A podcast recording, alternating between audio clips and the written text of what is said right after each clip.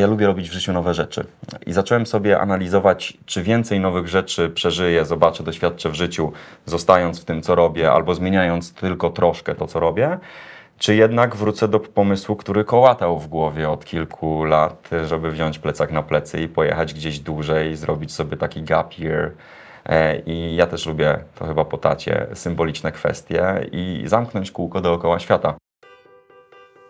Marzenia się nie spełniają, marzenia się spełnia. W podcaście Napędzani Marzeniami rozmawiam z ludźmi, którzy udowadniają to swoim przykładem. Nazywam się Joanna Borucka i jestem założycielką firmy Katalog Marzeń, oferującej prezenty w formie przeżyć. Cześć!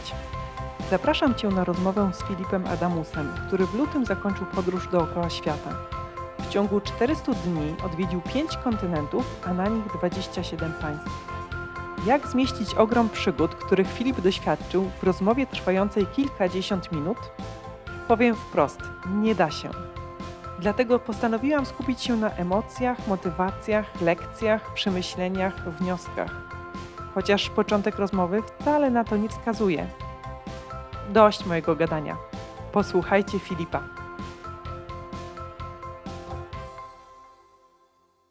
Cześć Filip. Cześć Asiu. Dzięki wielkie, że tu się pojawiłeś. Bardzo jest mi miło, bo Twój podcast jest jednym z tych, którym, jeden z nich jest jednym, z którego wysłałem do największej liczby znajomych. Wow. E, Z Miłoszem Brzezińskim o pasji i wysyłam go cały czas. Otworzył głowę. W trakcie tej podróży też słuchałem go chyba ze trzy razy tak naprawdę. Super sprawa. Pozdrawiam Miłosza, jeżeli nas ogląda, bo fantastyczny człowiek. Wielkie dzięki. E, wiesz co, e, nie, nie zdziwi Cię moje pierwsze pytanie, dlatego że e, bardzo mocno nawiązuje do, e, do tych kilku zdań, które przed chwilą zamieniliśmy przed rozpoczęciem nagrania, bo Ty jesteś ze świata piłki. Piłka to jest sport i to taki sport, w którym bardzo ważne są liczby. Różne statystyki, wyniki. E, I przed chwilą podałeś jedną liczbę, 24 303, Dokładnie prawda? tyle, tak. Em, Ja tak sobie wymyśliłam, że ja bym chciała zacząć naszą rozmowę przez pryzmat liczb, bo ja bardzo lubię liczby też. E, I tak, e, pierwsze dwie liczby, które mam w głowie, to e, 36 lat i 18 lat e, doświadczenia zawodowego. Czy to dobrze e, odtwarzam ten moment w Twoim życiu, kiedy pojawiła się w Twojej głowie myśl o tym, żeby wybrać się w podróż dookoła świata? Ona się chyba pojawiła troszkę wcześniej, ale faktycznie te dwie liczby dobrze do niej nawiązują. To ja od razu wytłumaczę, że te 24 303 to są zdjęcia, które zrobiłem w trakcie tych trz- 400 dni w 27 krajach w ostatnim roku. Na pięciu kontynentach, od razu Na pięciu dodajmy. kontynentach, faktycznie. Chociaż właśnie miałem takie spotkanie z geografami i tam powstała dyskusja, czy Europa i Azja to jest jeden kontynent, czy to są dwa. Ustaliliśmy, że to są dwie części świata, więc niech będzie pięć części świata. Tak, 36 lat miałem, gdy ruszyłem w tę podróż i to jest ważne w kontekście tego wszystkiego i pewnie będę do tego często wracał, bo ja jestem, znaczy cieszę się z tego, że pojechałem dopiero wtedy, bo już miałem trochę doświadczenia życiowego, podróżniczego, które pozwoliło mi sprawić, że ta podróż była fajniejsza niż byłaby, gdybym pojechał jako student w wieku 20-19 lat. To, to raz. No a 18 lat doświadczenia zawodowego, fakt, no bo to było 18 lat odkładania kasy też między innymi na tę podróż, bo ja w trakcie, w trakcie tych 400 dni nie pracowałem, tylko wydawałem nie, nie jeden powie, że głupio, wszystkie swoje oszczędności. Ja mam poczucie po, tych, y, po tym okresie, że to były bardzo dobrze zainwestowane pieniądze. I to była praca nie tylko w piłce, bo, ale blisko sportu. Zawsze blisko sportu, blisko marketingu, dziennikarstwa. Ostatnie trzy lata to w sztabie reprezentacji Polski w piłce nożnej, e, czyli takie dojście do czegoś, o czym pomyślałem, jak miałem właśnie 18 lat. Znowu się e, wracamy do tej jednej z tych trzech liczb, o których wspomniałaś. Wtedy jeden z polskich dziennikarzy nagrał e, wewnątrz reprezentacji Polski taki dokument z Mistrzostw Świata w Korei i Japonii, odprawy, szatnia i tak dalej, i tak dalej. Ja wtedy pamiętam jako 18-latek niespełna pomyślałem sobie, że jak ja kiedyś chociaż przez chwilę, przez nie wiem, jedno zgrupowanie będę mógł być tak blisko reprezentacji, to będzie top, to będzie spełnienie moich zawodowych marzeń. No i miałem tę przyjemność robić to przez 3 lata tak naprawdę. No ale doszedłem troszkę do ściany w pewnym momencie. Zdałem sobie sprawę, że już tu chyba nic nowego nie zobaczę. No właśnie, a propos liczb, to czy pamiętasz ten dzień, tą datę, kiedy w swojej głowie pojawiła się Pamiętam okoliczności. E, To było w trakcie Mistrzostw Europy 2021. Selekcjonerem był Paulo Souza. Pamiętam, że byłem wtedy w Sopocie, mieliśmy tam swoje zgrupowanie i takie właśnie uczestniczenie od środka w takim dużym turnieju reprezentacji Polski było właśnie takim zawodowym marzeniem i wtedy sobie pomyślałem, co dalej. A ja lubię robić w życiu nowe rzeczy. I zacząłem sobie analizować, czy więcej nowych rzeczy przeżyję, zobaczę, doświadczę w życiu, zostając w tym, co robię, albo zmieniając tylko troszkę to, co robię, czy jednak wrócę do pomysłu, który kołatał w głowie od kilku lat, żeby wziąć plecak na plecy i pojechać gdzieś dłużej, zrobić sobie taki gap year. E, I ja też lubię, to chyba po tacie, symboliczne kwestie i zamknąć kółko dookoła świata w mniej więcej rok. Patrząc na różnorodność tego, jak sobie ludzie żyją w wielu miejscach na świecie. No i wtedy w czerwcu postanowiłem sobie, że tak zrobię. We wrześniu poinformowałem pracodawców. 1 stycznia wsiadłem do samolotu do Mombasy. Pamiętasz, jakie emocje ci wtedy towarzyszyły? Właśnie w tym pierwszym dniu, kiedy jechałeś e, na lotnisko? To było wszystko bardzo chaotyczne. ja nie planowałem tego jakoś bardzo dokładnie. Ja zresztą generalnie nie planuję bardzo skrupulatnie wszystkiego, co będę robił. Wiedziałem, że będę miał ten pierwszy lot do Kenii. Wiedziałem, że chcę, żeby to było dookoła świata, żeby to był około rok i żeby to było bardzo różnorodnie. Żeby też na każdym kontynencie zobaczyć bardzo różne miejsca, no bo pamiętajmy o tym, że w Grecji jest inaczej niż w Norwegii, a w Portugalii jest inaczej niż w Białorusi, a to jest tylko mała Europa, więc te kontynenty, które są od niej dużo, dużo większe, mają ten, tę różnorodność jeszcze większą, więc nie chciałem się skoncentrować na przykład w Afryce tylko na Afryce Wschodniej, ale też pojechać na południe e, czy na zachód. Ostatnie dni były intensywne, bo też musiałem opróżnić mieszkanie, które wynająłem na, ten, na te 400 dni. Musiałem się szybko spakować, ale bardzo, znów wrócę do tego, pomagało to takie doświadczenie, taki mój, mój spokój, to, że miałem 36 lat, teraz już mam pół, półtora więcej. E, to też pomagało w tym, żeby się z tym, tym wszystkim nie spinać, tylko podejść do tego na zasadzie, jakoś to będzie, że ja sobie poradzę.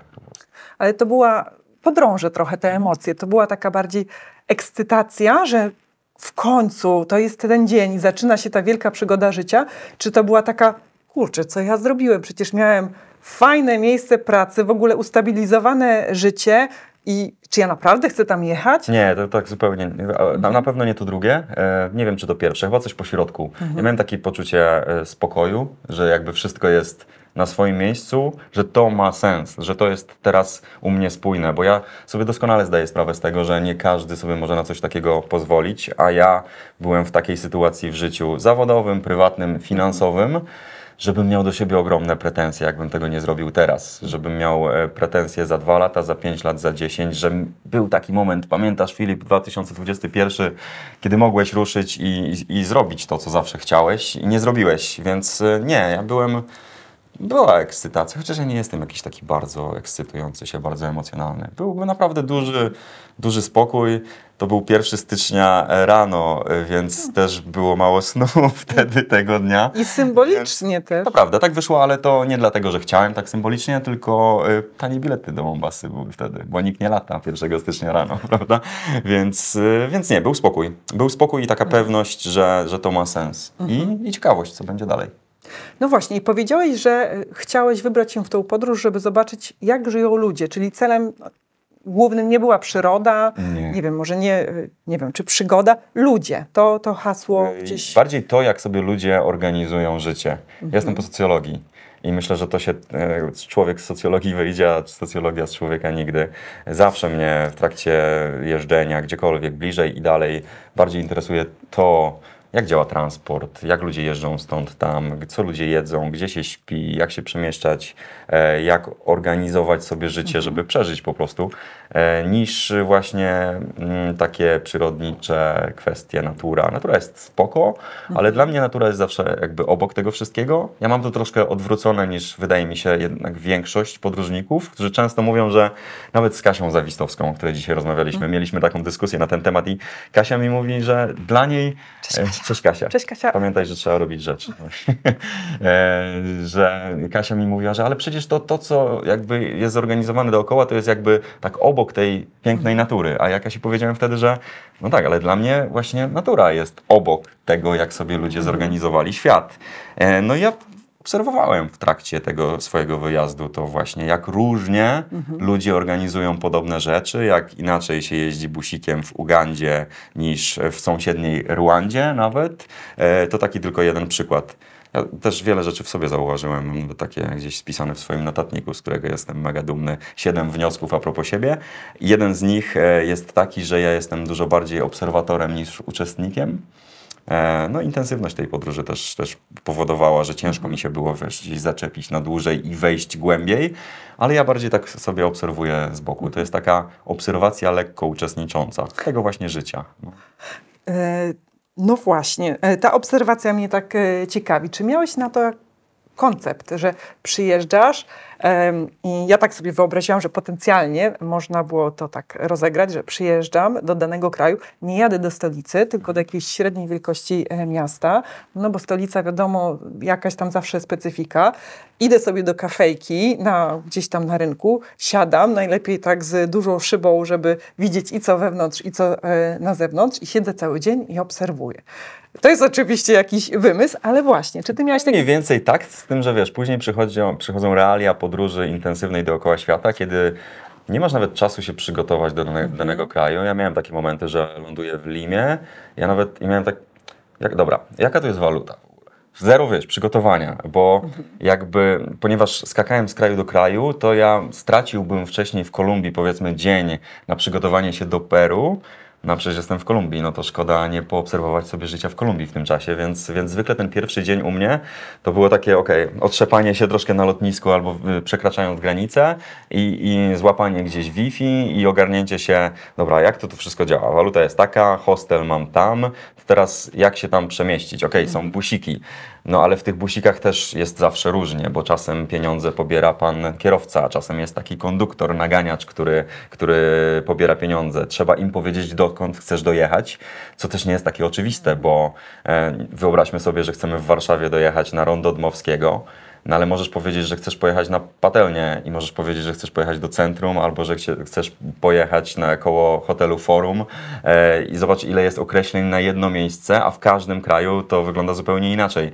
Wspomniałem o tej Limie. Ja im powiedziałem, że chcę do Centro, e, a o- dla nich Centro to jest ogromne tak naprawdę i bo tam podałem, że jakiś Plaza de San Sebastian, cokolwiek i nie mieli pojęcia, jak, co to w ogóle jest. No też nie każdy wie, że rondo Dmowskiego to jest rondo Dmowskiego, przykładowo. I dopiero później mi powiedzieli, że jakbyś powiedział centro urbano, to od razu byśmy wiedzieli. E, No ale skąd ja mam wiedzieć coś takiego, jakby wjeżdżając do danego kraju. Więc pierwszy dzień jest zwykle taki, żeby się ogarnąć, no a drugi się zaczyna obserwowanie i to jakby też mnie często wyluzowywało, jakby zabierało mi takie FOMO, czyli takie poczucie, że cały czas coś przegapiam, no bo nie da się wszystkiego zobaczyć. Ale gdy jedziesz z założeniem, że chcesz po prostu obserwować, jak sobie ludzie żyją, no to jakby nie martwi cię to, że jednego, drugiego zabytku, jednej, drugiej atrakcji turystycznej nie zobaczyłaś albo poszłaś gdzieś indziej. Ja często, ja bardzo lubię łazić yy, i mm, tak sobie poszwędać się, zabłądzić i później się znaleźć, pójść w prawo, pójść w lewo e, i coś zobaczyć, co mnie zaskoczy. Pewnie dużo rzeczy pomijałem po drodze, takich e, jakby atrakcyjnych, powiedzmy obiektywnie, ale nie o to w tym wszystkim chodziło. Jakby też założenie finansowe tego mojego wyjazdu, czyli około 100-150 zł max na wszystko dziennie, też sprawiało, że ja musiałem mm, podróżować w niskim budżecie i troszkę dzięki temu żyć jak ci przeciętni mieszkańcy danego kraju. Czyli nie kupować taksówki, e, tylko jednak e, komunikacja miejska. Nie stołować się w restauracjach, tylko jednak na street foodzie znaleźć sobie jakieś małe stoisko, gdzie coś, coś serwują. No i to tak bardzo dawało mi możliwość nie tylko obserwować, ale też troszkę poczuć takie, takie codzienne życie danego miejsca. A kontakt z trudne słowo, autochtonami, lokalcami. Był, był, ale on nie był jakiś. No myślę, że taki właśnie kontakt, relacje to jest jedna z rzeczy, które były najbardziej odpuszczone przeze mnie na te, w tej podróży, co też może, może zaskakujące. No ale pamiętajmy o intensywności. To jest 400 dni, 27 krajów, więc ci wychodzi przeciętnie dwa tygodnie na kraj i to też nie siedzenie w jednym miejscu, tylko ja, ja, ma, ja mam takiego troszkę szwendacza w sobie. Ja, ja nie, u mnie nie jest slow traveling, tylko jest wszystko fast, fast, fast, intensywnie. E, Co swoją drogą wydaje mi się, że uratowało w cudzysłowie to, trochę tę podróż, bo em, wiem, że często po pół roku przychodzi taki, takie troszkę zmęczenie podróżowaniem i chęć powrotu do swojego, tak naprawdę, do swojej bazy, a u mnie przez to, że cały czas działo się coś nowego, to ja nie miałem kiedy sobie nawet pomyśleć o tym, że mi czegoś brakuje. E, Pamiętam taką rozmowę ze swoim, po, po moim pół roku ze swoim kumplem Darkiem, który też podróżuje i też mnie pytał, czy ja po pół roku cały czas chcę, czy mi się chce cały czas jeździć. A ja mówię, ale Daro, no ja teraz jestem w Paragwaju, zaraz będą wodospady Iguazu, później będzie Buenos Aires, które jest zupełnie inne, później taki mocno rolniczy Urugwaj, wjeżdżam do Brazylii, Rio, zupełnie inne, Amazonia, znowu inny świat, przeskakuję przez Hawaje, inny świat, do Australii, inny świat. Ja nie mam kiedy się tym zmęczyć, tak naprawdę. Więc, e, więc to było, to było naprawdę, naprawdę bardzo, bardzo dla mnie potrzebne, ale też wiem, że każdy ma inaczej i też rozumiem ludzi, którzy wolą zostać w jednym miejscu i się e, bardziej w nie zagłębić. Ja tak bardziej obserwuję, rzucam okiem. Też ta, mm, ten rok był po to, żeby troszkę porównać i skontrastować ró- różne miejsca na, na świecie. Na maturze na angielskim jest takie zawsze zadanie, tam compare and contrast, po- porównaj dwa zdjęcia, coś tego typu. A przez tą moją intensywność e, mi było łatwo porównywać, łatwo patrzeć, co jest podobne tutaj do tego, co było w kraju wcześniej, co jest inne na tym kontynencie w stosunku do poprzedniego. E, Gdybym zostawał tam dłużej, to do pewnych rzeczy bym się pewnie przyzwyczajał i ciężko mi by było takie różnorodności dostrzegać.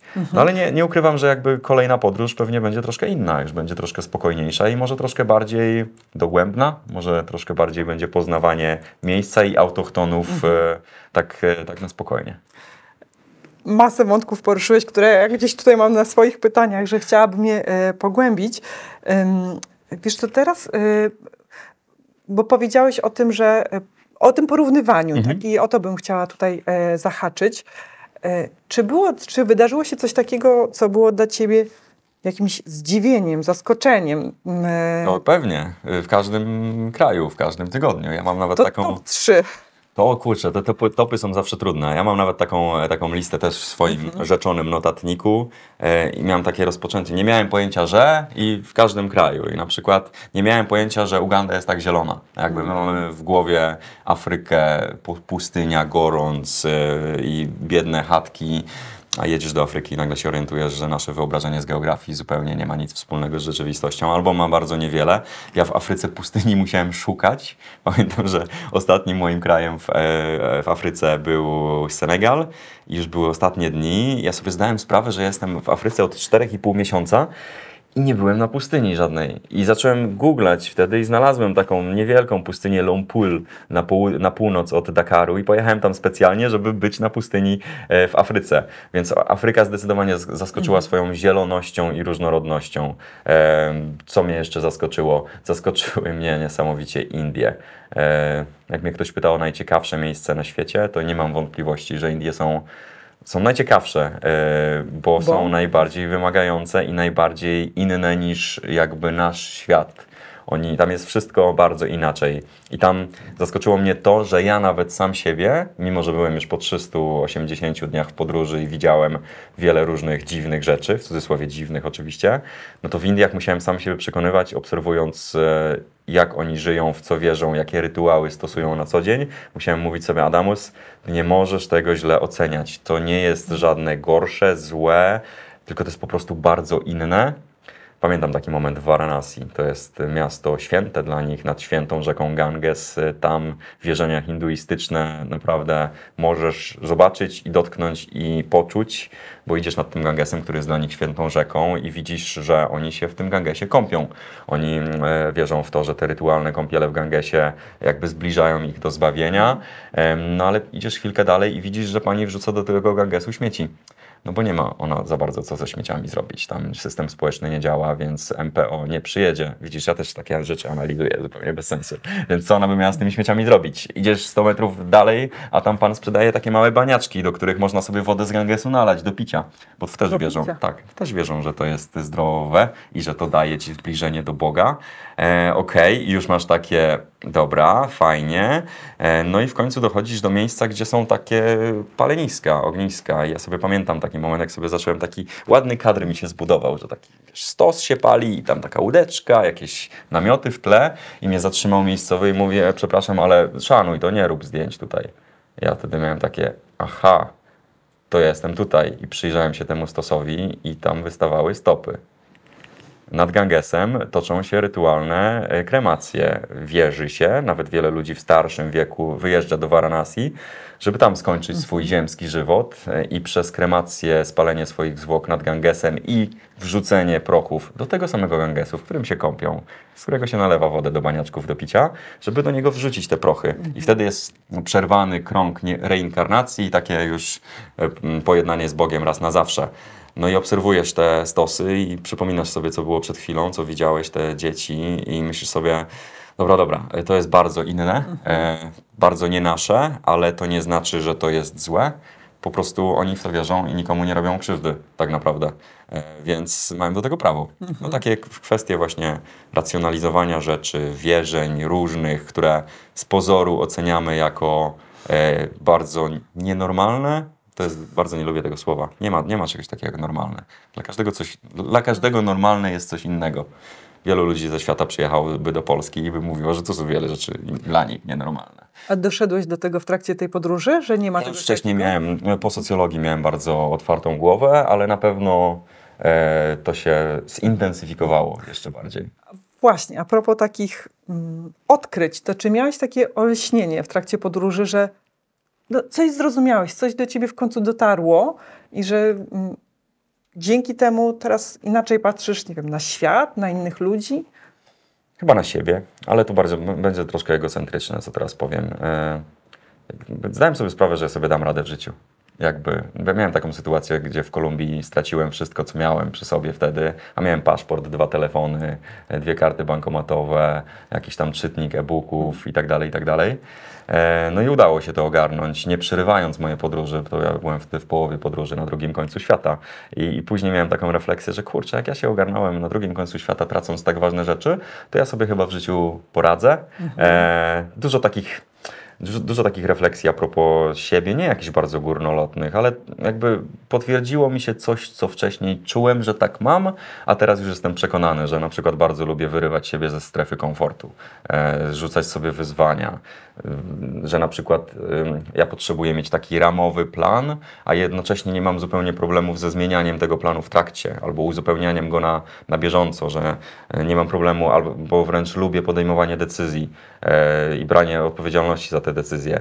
Więc sporo takich rzeczy, które, o, których nie myśl, o których myślałem, ale nie miałem ich tak skonkretyzowanych i zdefiniowanych wcześniej a propos siebie, e, a propos świata. No to główny wniosek chyba taki, w jak fajnym miejscu nam się mieliśmy szczęście się urodzić. No, to jest chyba taki najmocniejszy wniosek. My Ale w sensie, że na kuli ziemskiej? nie, w Polsce. My w Polsce. Ja sobie liczyłem, że z tych 27 krajów, no to mieszkańcy 23 albo 24 się z nami od kopa zamieniają na miejsce urodzenia. My jakby, no siłą rzeczy niezbyt często doceniamy to, że się urodziliśmy w 15 chyba procentach najbogatszego świata, w centrum Europy, w kraju, który się tak bardzo dobrze rozwija i bardzo szybko jest tak uporządkowany i jest dostęp do wielu rzeczy e, bardzo prosty, a takie podróże, chyba nawet w jednym z ostatnich podcastów u Was to też padło tutaj, e, że, e, że właśnie Polska jest spoko. Ona nie jest idealna oczywiście, ma swoje minusy, ale inne kraje też mają. Wiesz co, właśnie tu zerkam, bo mam takie pytanie, ja przeczytam je dokładnie. Czy jest coś takiego w Polsce, na co przedtem nie zwracałeś uwagi, albo nawet cię denerwowało, a teraz doceniasz? Pory roku są super. To jest świetne, że my mamy jakby bardzo e, takie książkowe cztery pory roku e, i możemy je przeżywać. Ja wiem, że jesień wkurza, że jest tak szaro, że zimą, zimą jest zimno, e, ale z drugiej strony mm, no my przeżywamy w tym naszym klimacie cały taki cykl pogodowy e, i to jest fajne. E, lato, te- teraz wiosna jest super, no, w Polsce wiosna jest mega, w Warszawie wiosna jest mega. Lato przyjdzie, które też będzie takie bardzo letnie. Troszkę się dziwię sobie, że czasem latem e, szukałem destynacji na, innych, kon- na innym kontynencie, jak w Europie. Lato jest naprawdę mega. E, no, więc to jest takie zaskakująca, taka zaskakująca obserwacja. Faktycznie, bo mm, wiosna to jest powód do radości, prawda? Było zimno, jeszcze te zimno Budzi ostatnio. No Mhm. tak, i gdyby cały czas była wiosna, to byśmy no, nie zauważali tego. A tak, prawda. jak kurczę była ta mm, przykra zima, no to można się No, uśmiechnąć. są takie cykle, takie, no, takie te zmiany w życiu też są ważne. Ja, ja lubię też, jak się w życiu dużo dzieje i może to dlatego też mi nie przeszkadzają te pory roku i wcale nie jestem zdania, że jakby to było 35 stopni codziennie, to byśmy byli tak bardzo szczęśliwi. Może jakby było więcej słońca, to może byśmy się częściej uśmiechali, bo to naprawdę widać faktycznie, jak się wróci ze świata, że my tacy jesteśmy troszkę wewnętrznie wkurzeni e, i tacy smutni, ale z drugiej strony ja sobie też to tłumaczę tak, że być może jakbyśmy nie byli tacy wkurzeni na Polskę, to byśmy tak szybko się po tym okresie innego ustroju nie rozwinęli. Może to też troszkę dzięki temu, tak jakby błyskawicznie nadrobiliśmy ten dystans do, do zachodniego świata, który w wielu względach już wcale nie wygląda tak bardzo lepiej niż, niż nasz. Polska jest spoko, tak to, tak to podsumuję. No. Fajnie, że to mówisz, e, że Polska jest spoko, a chciałabym wrócić do tych 27 krajów, Mhm. bo wszystkich takich, według oficjalnych statystyk e, niepodległych, niepodległych państw, też się liczbowo trochę przygotowałam. około 200? Uwaga, 194, Mhm. a z uwzględnieniem e, tak zwanych quasi państw i terytoriów zależnych 269. Daleko, daleka droga jeszcze. No właśnie, więc twoje 27 e, do tych 269, no to jest mniej więcej 10%, więc to nie jest tak łatwo zdecydować, no, które z tych państw chcesz odwiedzić. Jak ty do tego To podchodziłeś? było duże wyzwanie, faktycznie. Jak masz nagle w cudzysłowie nieograniczony czas i nieograniczoną przestrzeń, możesz pojechać wszędzie i siadasz przed tą mapą i przed tym Skyscannerem i nawet nie wiadomo jakie daty wpisać lotów, bo w sumie wszędzie możesz, nie? Więc w pewnym momencie ja zauważyłem po sobie, że mi się zaczyna podobać, że do jakiegoś kraju nie mogę pojechać, bo jest jakaś sytuacja społeczna niepewna, albo proces wizowy jest troszkę bardziej skomplikowany. Jest Ja nie miałem wtedy tak, że... tak Dokładnie. wycina. Nie miałem tak, że kurczę, szkoda, że do Namibii nie, bo tam trzeba teoretycznie wniosek wizowy wypełnić w Berlinie, w ambasadzie. Pewnie by się dało wjechać tam i na granicy to ogarnąć, ale, ale miałem takie, dobra, to Namibia nie, no to szukamy dalej. Jakby odkreśliłem jed, jedną z tych destynacji e, bez problemu. E, ten plan powstawał na bieżąco i to było spoko. Na przykład jak byłem w Indiach, no to chciałem wjechać najpierw do Bangladeszu. Okazało się, że w Kalkucie wizy nie dostanę, trzeba jechać do Delhi. To już mi się nie podobało. No to myślę, może Pakistan, ale tam e, w Punjabie jest niepewna sytuacja społeczno-polityczna teraz. To ja się nie lubię też pakować do takich e, ekstremalnych przeżyć sam z siebie. One same czasem przychodzą zupełnie przypadkiem, ale sam nie będę jakby sprawdzał się w takich okolicznościach. No i uznałem, że dobra, no to może Nepal w takim razie. A Nepalu nie brałem pod uwagę, bo myślę sobie, że styczeń, zima, pakować się w góry zimą. No ale uznałem, że zobaczyłem szybko na, e, na, na, na prognozie, jaka jest pogoda teraz w Katmandu. No i uznałem, że damy radę i miałem dużo szczęścia. Widoczność była piękna. E, Z- I z Sarangkot zobaczyłem Annapurnę i z Nagarkot z takiego punktu widokowego zobaczyłem w oddali Mount Everest. No mocne przeżycie, e, takie wewnętrznie mocne. Pytałaś o takie zaskakujące rzeczy, to ja, się zasko- ja byłem zaskoczony tym, że ja się potrafię też tak rozemocjonować, rozkleić nawet momentami, bo ja się rzadko e, emocjonuję rzeczami i w jedną i w drugą stronę, a tu miałem kilka takich momentów, że się, że łezka po, pofrunęła e, troszkę z oka, bo tak sobie zdałem sprawę, że kurczę, nawet tu dotarłem. Takie fajne poczucie dużej satysfakcji, bo to też nie był jakiś bardzo bardzo łatwy przejazd. To nie była taka przejażdżka hop że tutaj bach, bach i jestem, fajne hotele i tak dalej. Tym bardziej, że Nepal jest dość trudny w podróżowaniu, szczególnie takimi busikami. Indie wcześniej też są trudne w podróżowaniu. Wszystkie zmysły tam atakują ci w każdym momencie, więc, więc to, było, to było fajne zaskoczenie.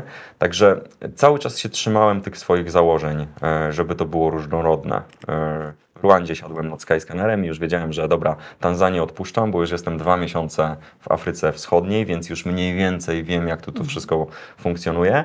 no to przeskakuję no, do Afryki Południowej. Przeskoczyłem do Zimbabwe, później Botswany, RPA i na Madagaskar. E, Byłem na Madagaskarze, no to uznałem, dobra, ale to jeszcze z Afryka Zachodnia, więc szukałem połączenia do, do Ameryki Południowej z Senegalu, właśnie, żeby polecieć, troszkę zobaczyć ten zupełnie inny e, format kontynentu, czyli taki bardziej już muzułmański rejon e, Afryki. E, Tak samo w Ameryce Południowej czy, e, czy w Azji. No w, Azji, jakbym, w Azji jakbym Indię odpuścił, to bym nie wiedział nic o tamtym kontynencie. Cały czas mam na mapie takie blind spoty, typu właśnie te postradzieckie republiki, typu Korea, Japonia, czyli miejsca, w których trudno mi sobie jeszcze wyobrazić, jak wygląda życie. Bo to była jedna z takich grubszych motywacji przed tym wyjazdem, że ja no niby wiem, jak ci ludzie żyją w tym Peru, widziałem zdjęcia, widziałem, jak to Machu Picchu wygląda, ale jak się tam dochodzi, albo jak oni sobie żyją na co dzień, y, czy oni się szybko poruszają na mieście, czy busiki mają nowoczesne, czy nie nowoczesne, no to chciałem zobaczyć na własne oczy. No i mam teraz po tych 400 dniach takie poczucie, nie lubię słowa spełnienia, bo to brzmi jakby już wiesz, zrobione i do grobu, e, ale mój kumpel Piotrek mnie spytał i trzymam się tego słowa mocno, e, czy jestem nasycony.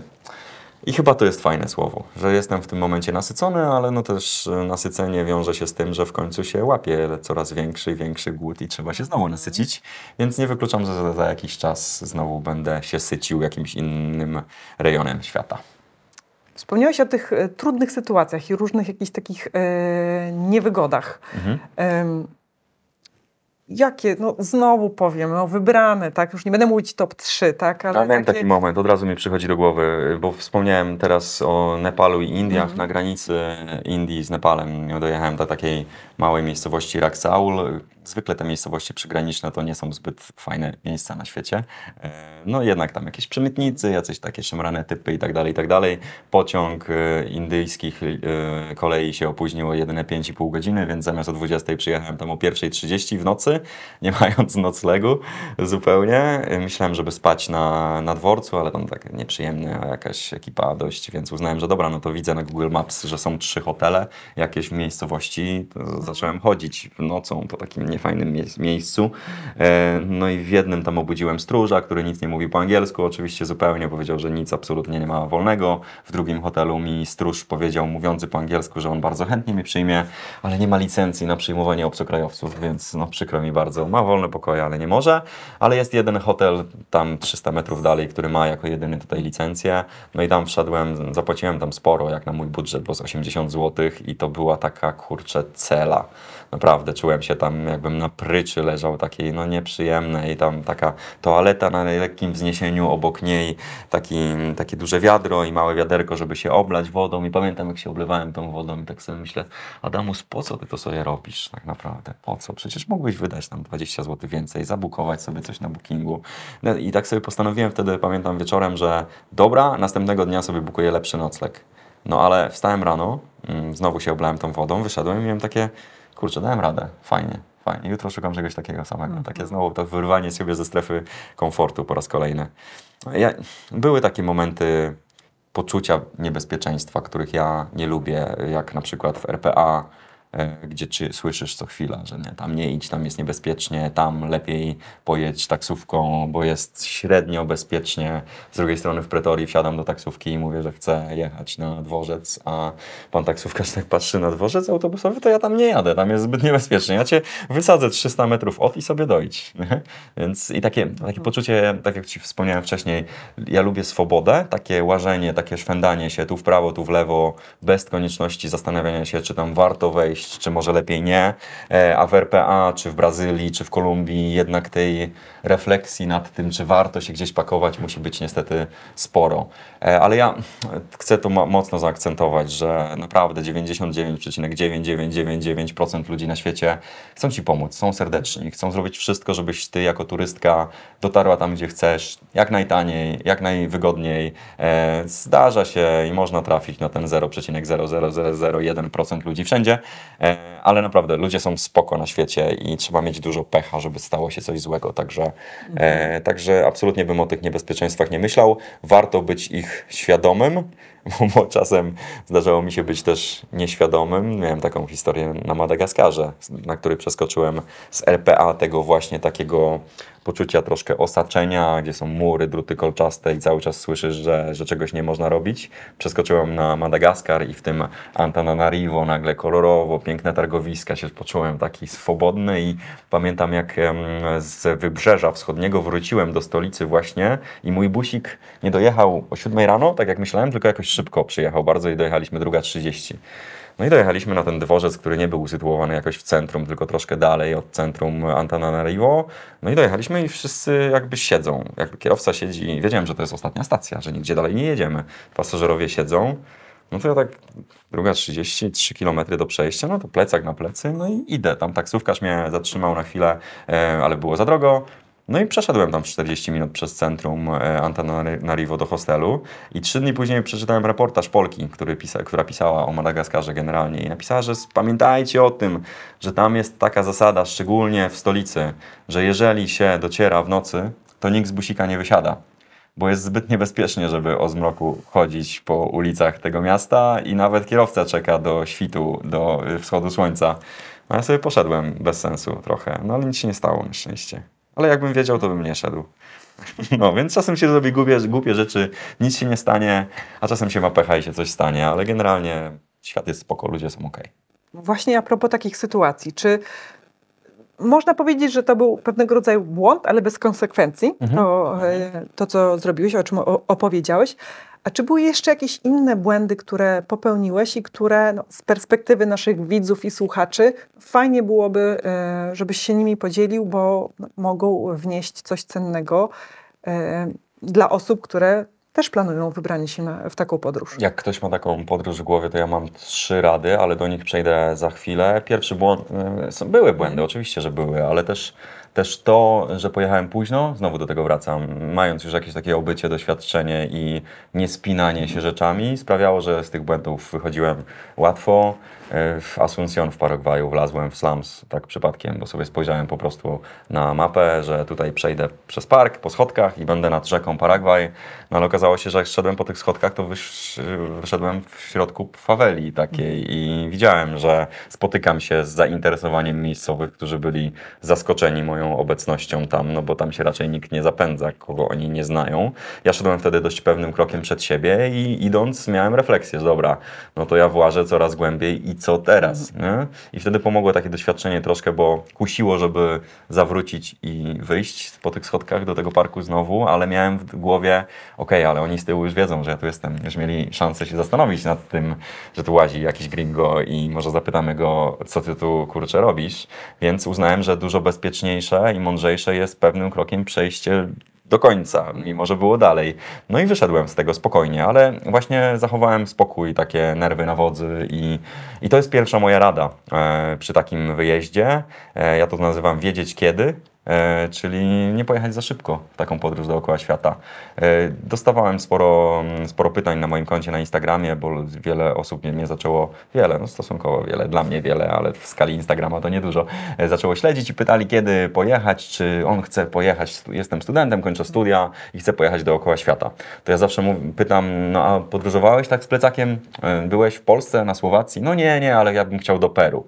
No to ja radzę nie. To ja radzę najpierw się spróbować, e, czy taki styl podróżowania Wam pasuje.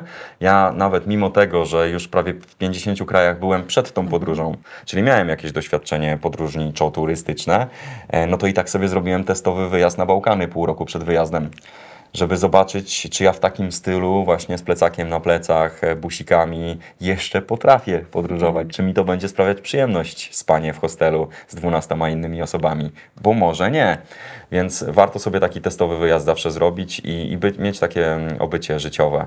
I, I tu przechodzę do, e, do drugiej rady.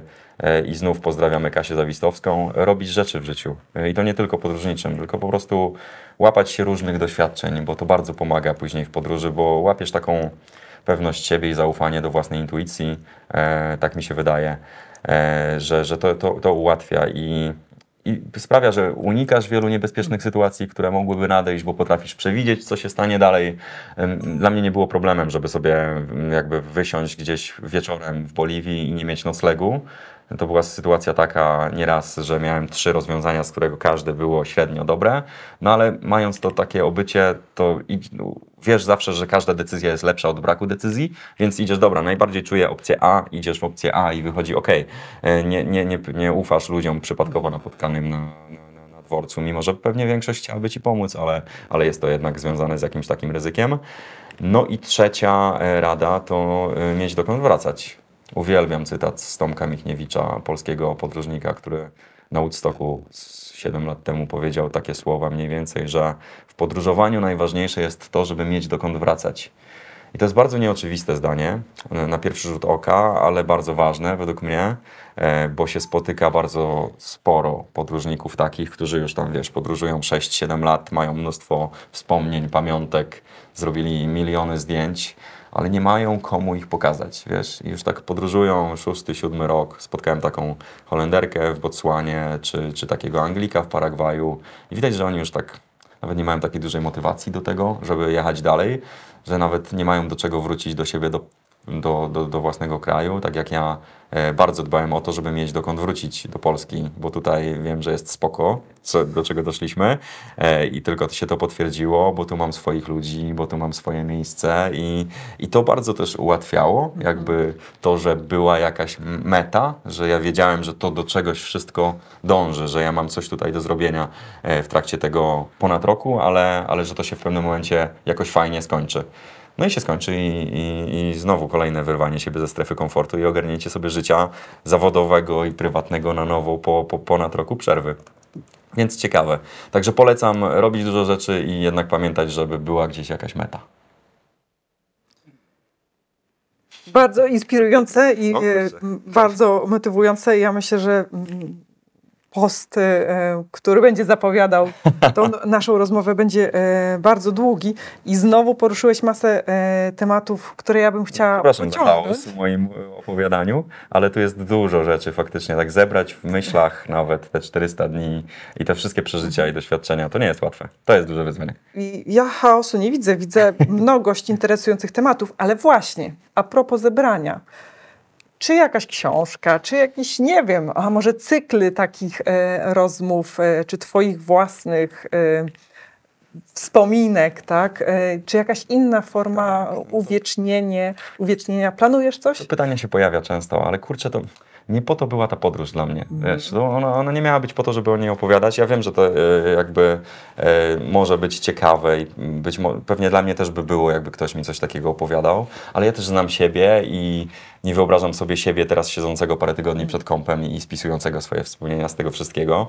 Wiem, że książka mogłaby być taką formą swojej własnej pamiątki, uwiecznienia tego, co się stało przez ten ostatni rok, E, ale ja mam swój notatnik, który jest świetną sprawą, jest taką bardzo prywatną. On nie jest takim pamiętnikiem, w którym piszę o każdym dniu, że wstałem o tej porze, robiłem to, to, to, tylko tam są bardziej takie dość chaotyczne wpisy, jakieś cytaty, imiona, nazwiska, miejsca, wklejki, bilety, liście, jakieś tam kawałki ulotek, e, dzień po dniu, więc ja teraz otwieram sobie tam 300 324 dzień, rzucam okiem i ja sobie przypominam, co się działo tam tego dnia i, i wiem, że ta pamiątka będzie jeszcze bardziej wartościowa dla mnie w kolejnych latach.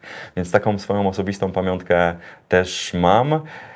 Jeżeli chodzi o wystąpienia, to ja bardzo chętnie o tym opowiadam, ale też nie chcę przesadzić, żeby sobie też samemu troszkę tego, tej podróży nie zohydzić, bo już mam doświadczenie z, z przerobienia pasji w pracę. Miałem tak z piłką nożną, że do, dotarłem do momentu, kiedy już byłem tak blisko i tak długo w tym, że to przestawało być pasją, zaczęło być tylko pracą i nie chcę sobie kolejnej pasji zepsuć w ten sposób, więc te, też polecam, że jakby pracowanie w pasji jest mega spoko, ale trzymajmy sobie zawsze coś e, jakby na boku, co jest tylko i wyłącznie pasją. Swoją drogą Miłosz Brzeziński o tym wspominał w waszej rozmowie tutaj, żeby faktycznie, że jeżeli coś zaczyna być związane z zarabianiem kasy, to to od razu przestaje być takim, taką przyjemnością, takim typowym hobby. E, więc e, nie wiem. Na razie wydaje mi się, że nie, ale kto wie, czy mi się to za parę tygodni nie zmieni. Na razie bardzo chętnie przychodzę na takie spotkania jak to z Tobą dzisiaj i, i o tym opowiadam cały czas z dużym entuzjazmem. Super sprawa. No, ściemniałbym bardzo, jakbym powiedział, że nie mam w sobie jakiejś takiej dużej satysfakcji po tym, jak to, jak to wszystko wyszło, bo wyszło pięć razy bardziej yy, i pięć razy bardziej intensywnie niż myślałem, że wy, wyjdzie. I Przeżyłem i doświadczyłem pięć razy więcej ludzi, y, rzeczy, niż myślałem, że przeżyję i zobaczę. No właśnie, bo od samych tych konkretnych przeżyciach o kilku padło przy Mhm. okazji różnych pytań, ale ja bym siebie, ja bym e, chciała się e, zapytać też ciebie o takie, no tu mam w głowie angielskie słowo, takie highlights, Highlights. E, takie nieoczywiste bym powiedziała highlights e, z Zawsze będzie nieoczywiste, bo to nie wszystko z każdego, nie z każdego kraju, bo no, musielibyśmy jednak właśnie 27 Mogę z godzin. każdego kontynentu. Właśnie, z Może każdego tak łatwiej. Bo faktycznie z każdego kraju bez problemu mogę wymienić ze trzy takie bardzo nieoczywiste dni, e, momenty przeżycia. Ale może powiemy o tych, które były związane z jakimś takim moim e- em- emocjonalnością mocną, e, coś tego typu, że sobie tak łezka się zakręciła w oku, mimo że ja, tak jak wspomniałem, nie jestem bardzo emo- emocjonalną na co dzień osobą. Więc w Afryce, w Afryce to by był na pewno Boulders Beach pod Kapsztadem w RPA, które, którego nie zareklamowałem zbyt dobrze, ale RPA jest mega. Abstrahując od tych kwestii społecznych, które tam cały czas są żywe, to od strony takiej przyrodniczo-geograficznej to jest wow. E, No i Boulders Beach to jest miejsce, gdzie jest kolonia pingwinów afrykańskich. A ja uwielbiam pingwiny. Nie wiem, no to są takie bardzo sympatyczne stworzenia, trochę głupiutkie, ale zawsze do nich miałem dużo sympatii i pojechałem na tą Boulders Beach specjalnie rano, spałem w aucie na takim kempingu tuż przy niej, żeby być tam pierwszym. Zanim jeszcze z Kapsztadu, to jest godzina drogi od Kapsztadu, przyjadą te hordy turystów. No i faktycznie tam przyszedłem, wszedłem jako pierwszy i tam można wejść na taką plażę i te pingwiny tak łażą obok i one tak po minucie już zapomniały, że ja w ogóle istnieję. Siadłem sobie, one myślały, że jestem pewnie jakąś kolejną skałą. No i tak biegały sobie koło Tak, mnie. tak, tutaj, tak obok. zupełnie, No, tak tutaj, dokładnie, dokładnie. I to tak, oczywiście to nie są zwierzęta, które możesz pogłaskać czy coś tego typu, ale samo obserwowanie tego, jak one się tam gryzą, czy tam jakiś akt seksualny gdzieś dochodził obok, więc to było przeciekawe doświadczenie. Takie godzinę miałem sam na sam z pingwinami. To było bardzo, bardzo, bardzo mocne. E, Jest w Afryce też super sprawa w Botswanie. e, Przelot helikopterem nad deltą Okavango. Chore pieniądze na to wydałem, biorąc pod uwagę mój, e, mój budżet. Później trzeba było jeść ryż przez parę dni. E, 15-minutowy lot e, i widzisz z góry żyrafy, zebry, e, bawoły afrykańskie, bizony, krokodyla, tam jakieś hip- hipopotamy. No niesamowite przeżycie. Więc to jest Afryka. W Ameryce Południowej zdecydowanie Machu Picchu ma coś w sobie. E, Oczywiście jest to takie troszkę obleciane, brzydko mówiąc, ale jednak sama, samo to, jak tam trudno dotrzeć, szczególnie jak się idzie, ja szedłem taką czterodniową trasą przez, e, przez dżunglę inkaską, szlakiem Inków częściowo, później wzdłuż tego toru kolejowego, bo tam nie, nie dojeżdża żadna droga e, pod Machu Picchu, później się trzeba o świcie wspiąć po schodach, no to też pokazuje Ci, jakie to jest miejsce i dlaczego oni to ta, tam akurat zbudowali. E, chociaż dużo bardziej emocjonalnie było na Tęczowej Górze w Winikunce, Rainbow Mountain, które jest niedaleko Cusco, troszkę z innej strony. E, jak ktoś sobie wpisze Tęczową Górę w Google, to zobaczy coś, co wydaje się, że wygląda tak ładnie tylko na zdjęciach, ale nie, jak się tam dotrze, to faktycznie to jest ponad 5000 metrów nad poziomem morza, więc tam zadyszka łapie mocno, e, ale tam dotarłem i miałem takie, taką pierwszą refleksję grubą, że kurczę, to nie jest łatwe, e, ca, cała podróż, ale warto było po to, żeby zobaczyć takie rzeczy na, na własne oczy. Więc to jest super. E, Dla mnie wielkim przeżyciem w Argentynie były mecze piłkarskie siłą rzeczy na- na stadionie Buenos Aires La Bombonera, jak usłyszałem, jak Argentyńczycy zaczynają razem śpiewać na stadionie, na trybunach, to nawet biorąc pod uwagę to, że w piłce pracowałem i sporo już w niej widziałem i przeżyłem i byłem pewny, że już mnie nic nie zaskoczy, nie zachwyci, no to tam ciary, zdecydowanie. E, Później Hawaje, no to na Hawajach e, Stairway to Heaven, takie schody do nieba, to się nazywa Haiku Stairs, schody Haiku, do takiej radiostacji na szczycie góry niedaleko Honolulu. E, To też warto sobie zobaczyć w Google i to jest jedno, jedno z miejsc, czasem tak mamy, że widzimy coś w internecie i myślimy sobie, że kurczę, fajnie by było tam kiedyś być. No to ja miałem tak ze schodami Haiku. Ciężko było tam dotrzeć, bo to też troszkę nielegalne, ale cicho. Poszedłem od drugiej strony, tam jest taki dość trudny szlak, taki na po błocie, ja w swoich adidaskach, linami się trzeba było pociągać, no głupie to było. Naprawdę, myślałem, schodziłem o 17, już się zaczynał zachód słońca i pomyślałem, że ja stąd schodzę ostatni, nie ma zasięgu, no przecież jak sobie skręcę nogę tutaj, to już co do, do rana muszę czekać, aż będą kolejni turyści. A już miałem lot tego samego wieczoru na, do Australii, swoją drogą. E, więc to widzisz wszystko dość intensywnie. E, no, Australia, wow, zdecydowanie fajnie zobaczyć, jak sobie ska skaczą kangury obok, obok drogi, jak sobie tak jedziesz samochodem. No Ten i jeden, ten jeden widok widziałam. tak, tak, Podpisuję super się. sprawa, super sprawa. Australia, świetne miejsce do życia, ale znów, czy ja bym się z Polski tam przeprowadził? No nie mam takiego przekonania, bo to jest strasznie daleko od całego świata. Tam nawet będąc w Melbourne do najbliższego dużego miasta masz strasznie daleko. No nie wiem, nie, troszkę nie dla mnie. E, może dlatego, że jestem z Polską związany emocjonalnie i z ludźmi tutaj. E, a Azja, takie najmocniejsze wspomnienie, no to na pewno to Varanasi, o, o którym wspomniałem wcześniej. Na pewno zobaczenie Himala, Himalajów w Nepalu będzie czymś takim. No i Filipiny. Troszkę ze względu na moje imię, e, zawsze tam chciałem dotrzeć. Filipiny stały się krajem, w, których, w którym w, tym, w tej podróży byłem najdłużej, bo 35 albo 37 dni łącznie. E, tylko 10 wysp z tych 700, 7641, których jest e, sporo na Filipinach. No ale tam sporo takich wspomnień, takich aktywności pierwsze nurkowanie w życiu, e, zupełnie pierwsze. I to nie, wiesz, bez, z treningiem w jakimś basenie, tylko od razu, że zeszliśmy na tam 5 metrów e, w rafę koralową. Pewnie jak słucha to ktoś, kto jest odpowiedzialny za uprawnienia nurkowe, to zaraz powie, że jak, skandal, ale tam się na to zgodzili i wszystko było bezpieczne, e, więc to też bardzo, bardzo mocne przeżycie. No dużo, no można by gadać i gadać o tym, naprawdę, mam takich wspomnień mnóstwo i- nawet ostatni dzień w Azerbejdżanie, e, czter, czterechsetny dzień, kiedy już wiedziałem, że, że kończę tę podróż. Nie? I, I też miałem pytania, jak, jakie to są uczucia? Czy ty byś chciał pojechać dalej, czy już jesteś zmęczony i chcesz wrócić? A ja miałem takie poczucie zrobionej roboty, takie, że wszystko wyszło lepiej niż myślałem i że wszystko idzie zgodnie z planem, takim ogólnym, ramowym i że cieszę się na to, że wrócę i że będę sobie ogarniał życie jeszcze raz na nowo, spełniając jakiś swój cel. E, Ale to na pewno nie ostatni cel związany z podróżami. I znowu masa bardzo ciekawych i Słowotok, takich... straszny tak, słowotok się cie- zrobi. Ja, ja chyba sama będę musiała trzy razy przesłuchać naszą rozmowę, żeby wszystko do mnie dotarło.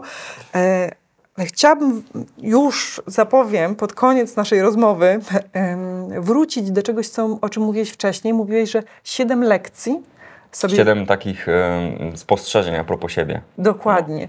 Ja wiem, że to mogło być bardzo e, intymne rzeczy. Nie, nie, nie, spokojnie, możemy to jakoś podsumować. Tylko, że muszę sobie spojrzeć w notatki, bo już nie wszystko pamiętam. Pierwsza jest na pewno, Mhm.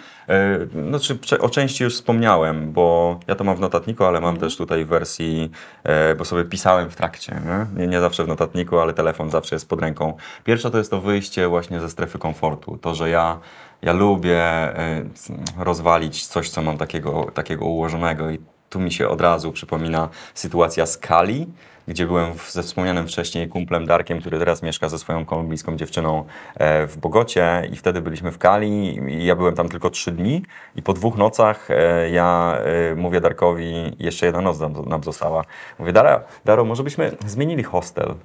On tak na mnie patrzy. Przecież ty jutro jedziesz. Po co? Przecież źle ci tutaj, mamy swój pokój, płacimy 21 zł. To źle ci?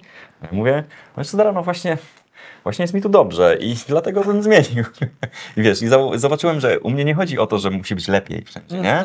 Tylko żeby znowu rozwalić i się zorganizować, ułożyć w jakimś innym miejscu. Jakby sprawdzić, czy tam gdzieś indziej też mi będzie dobrze. Więc to jest takie ciekawe i to też w takim, takim, takiej podróży to wychodzenie ze strefy komfor- komfortu jest rzeczą absolutnie codzienną i dlatego pewnie mi się tak dobrze w tym wszystkim żyło. Ja miałem na początku taką refleksję, że może taki spróbuję slow life, wiesz, hamak, plaża, jakiś mały domek i po, posiedzę tam trzy tygodnie, ale bardzo szybko e, po dwóch dniach już się zorientowałem, że ja się męczę, że ja mam takie poczucie em, tracenia czasu, marnowania czasu i że ja dużo lepiej się czuję, jak się, jak się codziennie dzieje coś nowego. To jest męczące fizycznie, ale ja się szybciej męczę, męczę psychicznie i gorzej się czuję zmęczony psychicznie e, właśnie nudą albo taką, taką stabilnością e, niż, niż właśnie e, niż robiąc wszystko szybko, intensywnie. To się niestety też przejawia w życiu za, zawodowym czy prywatnym, takie wywa, wywalanie strefy komfortu cały czas. E, druga rzecz to jest ten właśnie fast life, że, że ja muszę intensywnie i też właśnie jak wspomniałem wcześniej, myślę, że ta intensywność uratowała tę podróż, że mi się nigdy nie, nie, nie miałem takiego mm, zmęczenia, czy takiego homesickness, jak już używamy język, y, języka angielskiego, takiego tęsknienia za swoją bazą. No bo też pamiętajmy o tym, że jakby egzotyka jest super zawsze, tylko ona jest super przez trzy tygodnie, a później cię dużo rzeczy zaczyna wkurzać. My często mówimy o tym, że a, chciałbym żyć tam na Mauritiusie.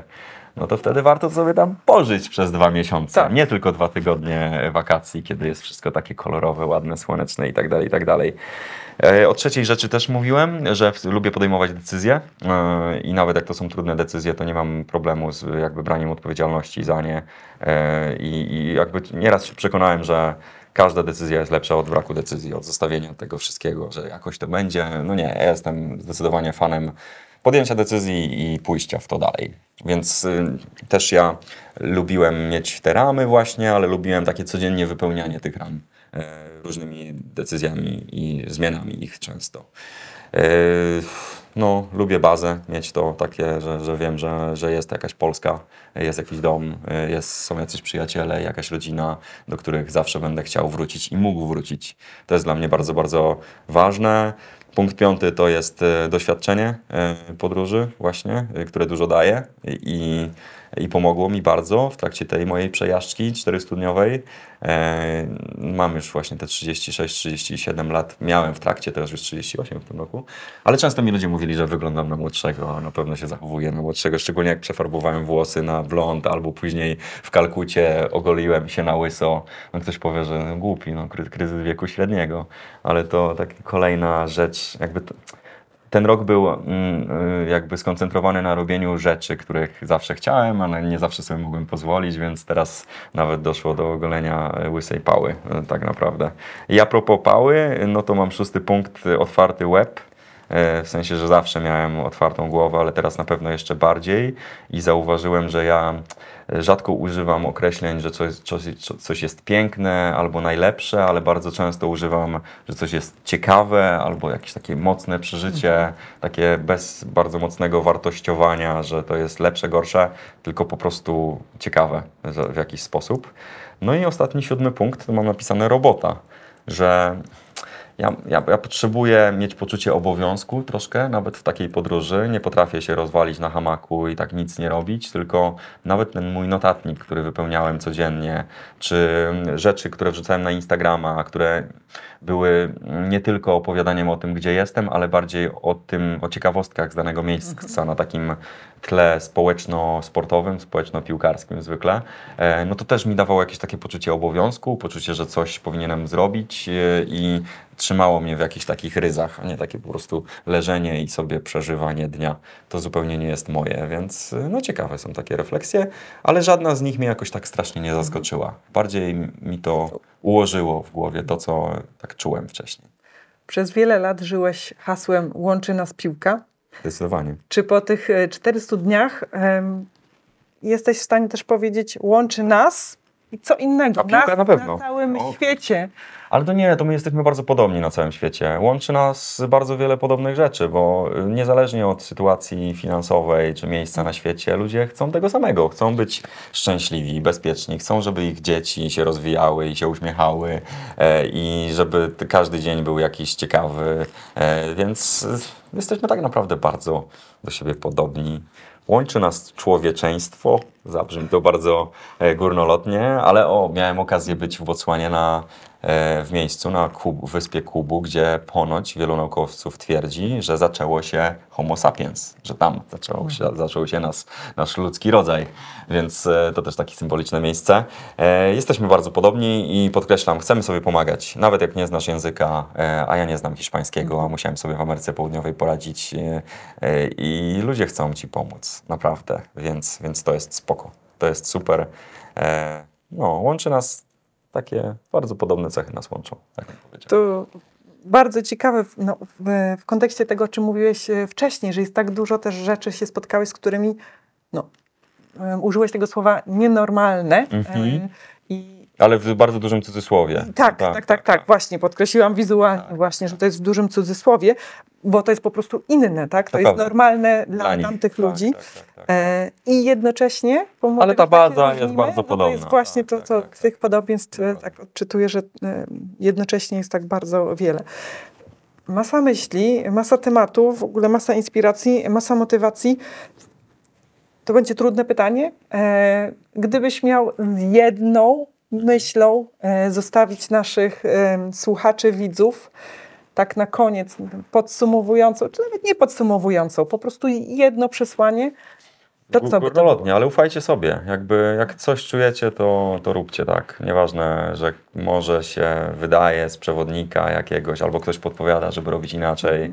To na koniec nie jest ważne to, żeby być szczęśliwym z samym sobą i em, to tylko my odpowiadamy za swoje życie. Nikt inny za swojego życia, za nas, na, naszego życia za nas nie przeżyje.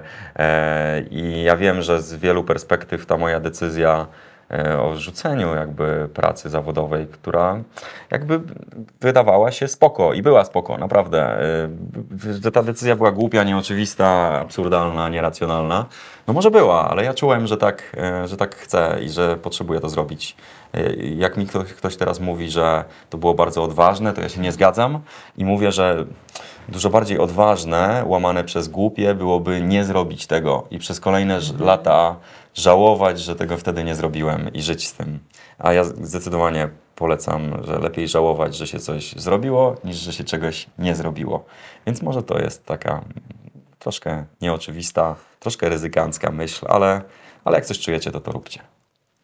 Dzięki wielkie. Dziękuję również. za tą rozmowę, za to spotkanie i trzymam kciuki za to, żeby ten apetyt, który się będzie pojawiał dalej, żeby zawsze do, do, do tego momentu nasycenia. Tak, sytość jest dochodziło. chwilowa tylko. Zaraz będę głodny znowu. Dziękuję bardzo. Dzięki. Podobnie jak Filip, ja także czuję się nasycona. I jednocześnie nienasycona, bo w tej rozmowie padło wiele słów, przemyśleń, refleksji, które chciałabym przetrawić i pogłębić. Na dziś wychodzę z niej z jednym głównym przesłaniem: żeby sobie ufać, swojej intuicji, swojemu sercu. W ostatnim czasie słowo zaufanie często padało w rozmowach, w których uczestniczyłam, jednak zawsze w kontekście zaufania do innych osób. A myślę, że warto skupić się na budowaniu zaufania do siebie, zastanowić się, co je tworzy i aktywnie działać w tym kierunku. Podpowiadam, że jednym ze sposobów jest słuchanie swoich marzeń i aktywne działanie w kierunku ich realizacji. To jak? Jaki będzie Twój pierwszy krok na tej drodze? Daj znać w mediach społecznościowych albo napisz do mnie na hejmałpa napędzanimarzeniami.pl. Do zobaczenia już wkrótce w kolejnym odcinku.